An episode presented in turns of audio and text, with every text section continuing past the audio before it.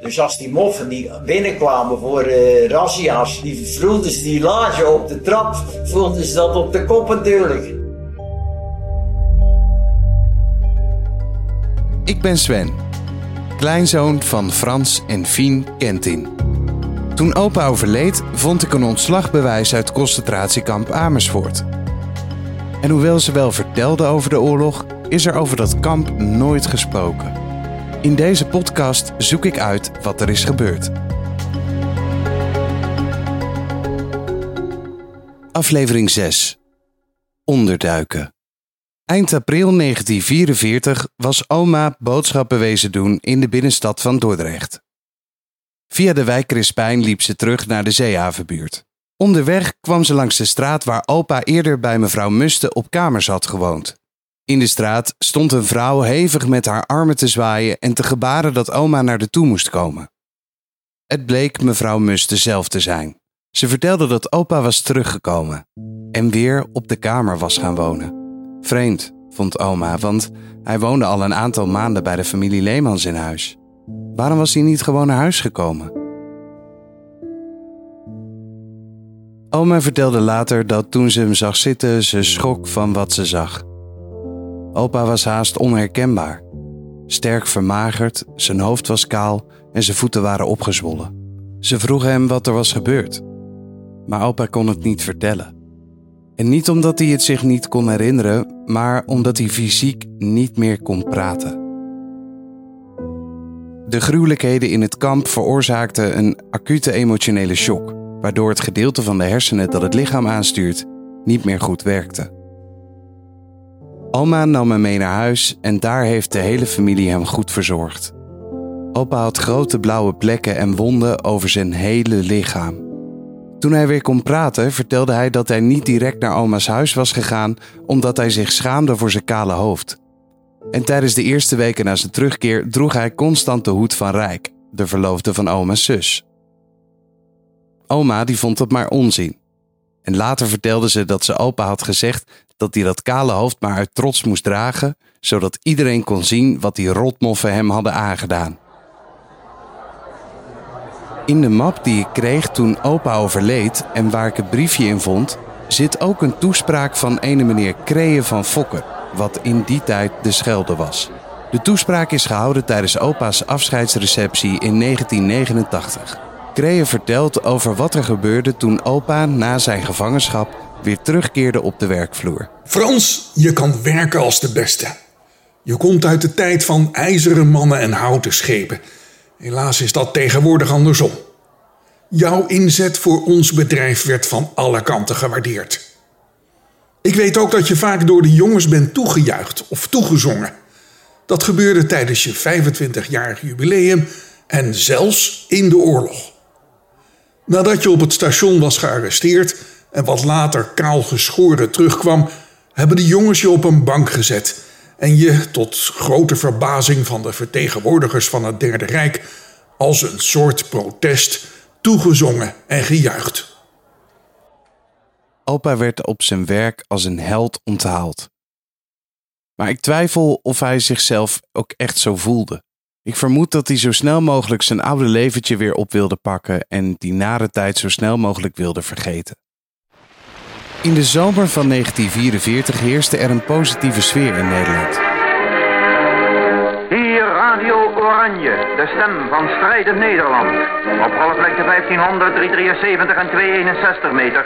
En in de 49, 31 en 25 meter band. Goedenavond, luisteraars in Nederland. In Oost en West, op zee, of waar ook ter wereld.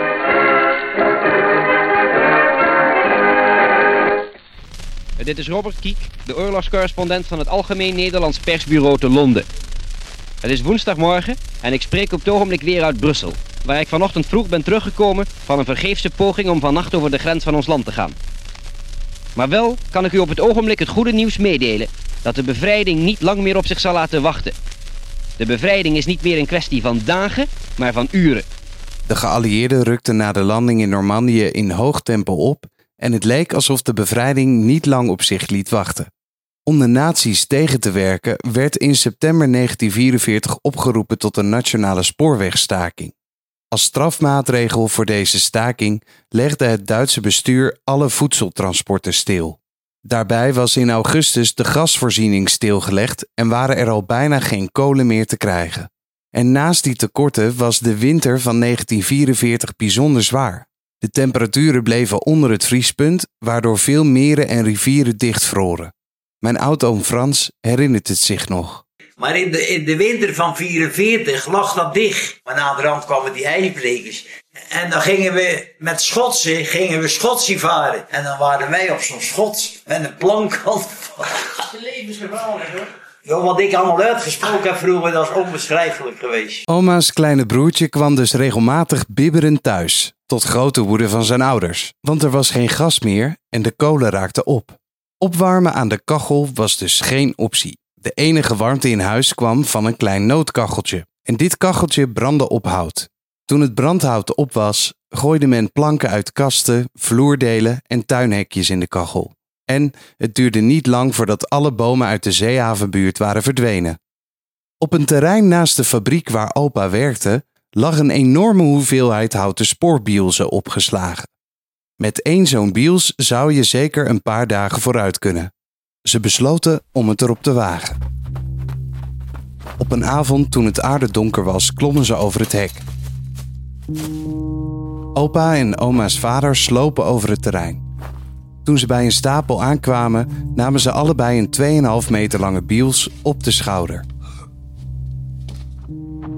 Geruisloos sjouwden ze de 80 kilo zware biels richting het hek. Opa klom er overheen en oma's vader duwde de bielzen naar de andere kant. Ineens was er licht en geschreeuw. De Duitse bewaker had ze gezien.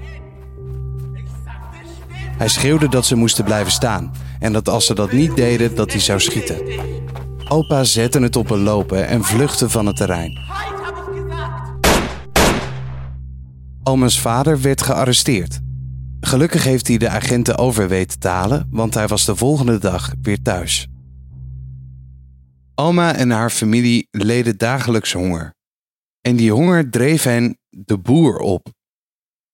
Vanuit de stad trok men naar het platteland, waar er bij de boer soms nog wel wat te eten te krijgen viel. Maar wij zijn toen ook, ik ben met je oma toen naar Schravendeel overgevaren. Ja. Met een roeibootje. En met een roeibootje overvaren was in de winter van 44 niet zonder risico. Alleen mensen met een zogenaamde passierscheine mochten gebruik maken van de veerdienst naar Schavendeel. Op elk ander vaartuig werd zonder pardon geschoten. En toen daar uh, ja, aardappels uh, bietsen en zo heen. En toen zijn we ja, twee dagen geloof ik dat we toen weg zijn geweest. En waar ging je dan slapen? Ja, bij de boer. Oma, 19 jaar, en haar broertje van 11, allebei een nacht van huis, terwijl het oorlog was. Lopend van boerderij naar boerderij en slapen bij een boer, dagen lopend onderweg en dat vaak alleen voor een zakje aardappelen en wat melk. De honger van deze winter is een terugkerend onderdeel in de verhalen die opa en oma vertelden. Ook mijn moeder weet dat nog. Want dat, dat is natuurlijk ook als je later, of als ik wel eens wat weg wilde gooien of wat dan ook, daar waren ze altijd wel heel, uh, heel fel op, want daar werd niet heel snel eten weggegooid hoor. Aardappeltjes werden bewaard, die werden opgebakken de andere dag en uh, dat, dat, zei, en dat, dat, dat zei mijn vader ook altijd wel, van uh, niks weggooien, want er zijn mensen die het niet te eten hebben of zo, weet je. Dus ook soort opmerkingen maakte die dan wel. Er werd bij oma en opa dus geen eten weggegooid. Ook niet na de oorlog. En naast de grote honger en de kou van de winter van 1944 dreigde er nog een ander gevaar. Door het snel oprukken van het geallieerde leger wilde Duitsland zijn verdedigingswerken versterken en uitbreiden. Een enorme operatie waar veel mankracht voor nodig was. En die mankracht moest volgens de Duitsers uit Nederland komen. In het najaar van 1944 verschenen er dan ook oproepen voor mannen tussen de 17 en 40 jaar om zich te melden. Radio Oranje en het Verzet riepen op om je vooral niet te melden. En met het idee dat Nederland elk moment bevrijd kon zijn, gaven dus veel mensen geen gehoor aan die oproep. Ontevreden met de opkomst gingen de Duitsers over tot grootschalige razzia's. In november 1944 werden tijdens een grote razzia in Rotterdam meer dan 50.000 mannen opgepakt en afgevoerd.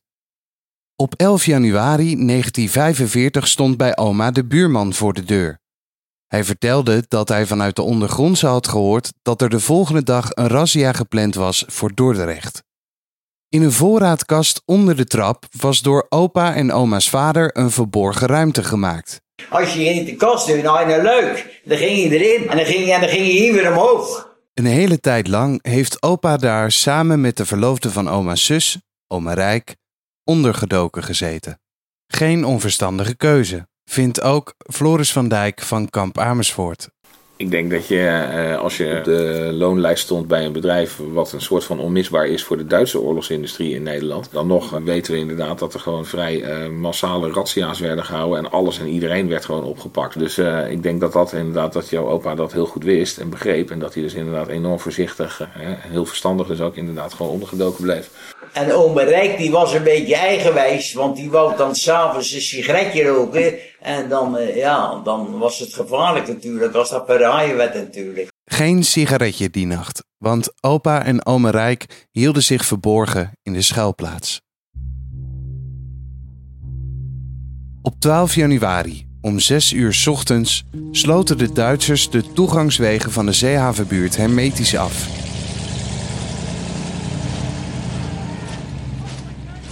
Er werden blokkades opgericht en er werden mitrailleurs geïnstalleerd. Alle Männer, die zwischen 1905 und 1928 geboren sind, stellen sich vor dem Haus auf. Een luidsprekerwagen reed door de straat en verkondigde de oproep. Tientallen Duitse soldaten marcheerden door de wijk en bonsden schreeuwend op de deuren. Om de inwoners te intimideren werd er voortdurend in de lucht geschoten. Het was een grote chaos in de straten van de zeehavenbuurt.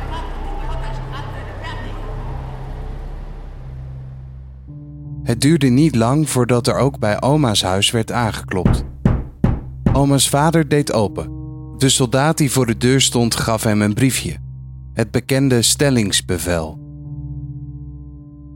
Oma's vader sprak goed Duits en vertelde de soldaat dat er in dit huis geen mannen tussen de 17 en 40 woonden.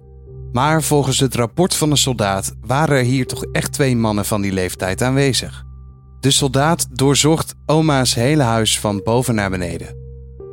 Ik kan me voorstellen wat voor gespannen sfeer er moet hebben gehangen tijdens die doorzoeking.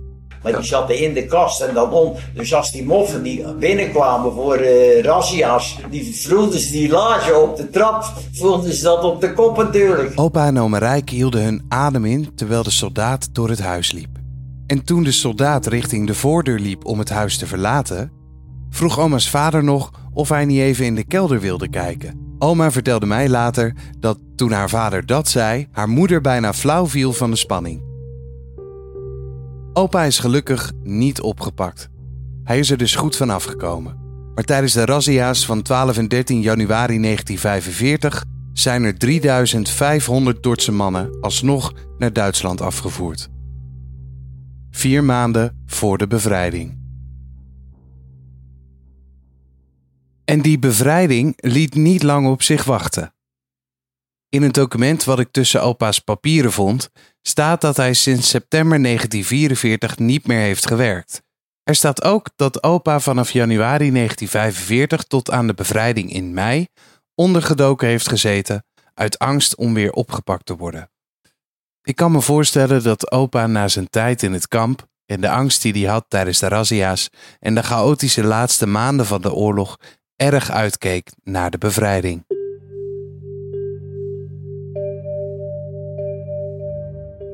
Het zou niet lang meer duren voordat de bezetting ten einde komt.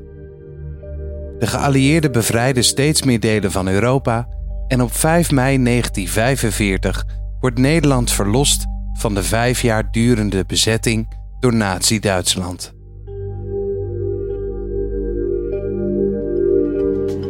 In de volgende en laatste aflevering is Dordrecht bevrijd. en kunnen opa en oma beginnen aan het opbouwen van hun eigen leven. Ook blikken we terug op de oorlog, op de verhalen en op opa en oma. Dan denk ik, ja, ze hebben dat en dat meegemaakt en dat eigenlijk nooit zozeer laten mij. En dan zo in het leven gestaan hebben, weet je. En misschien juist daarom intens van het leven genieten zijn en zo tevreden zijn met de kleine dingen. Benieuwd naar de volgende aflevering? Of heb je een vraag of opmerking? Volg ons dan op Instagram en Facebook en stuur een berichtje.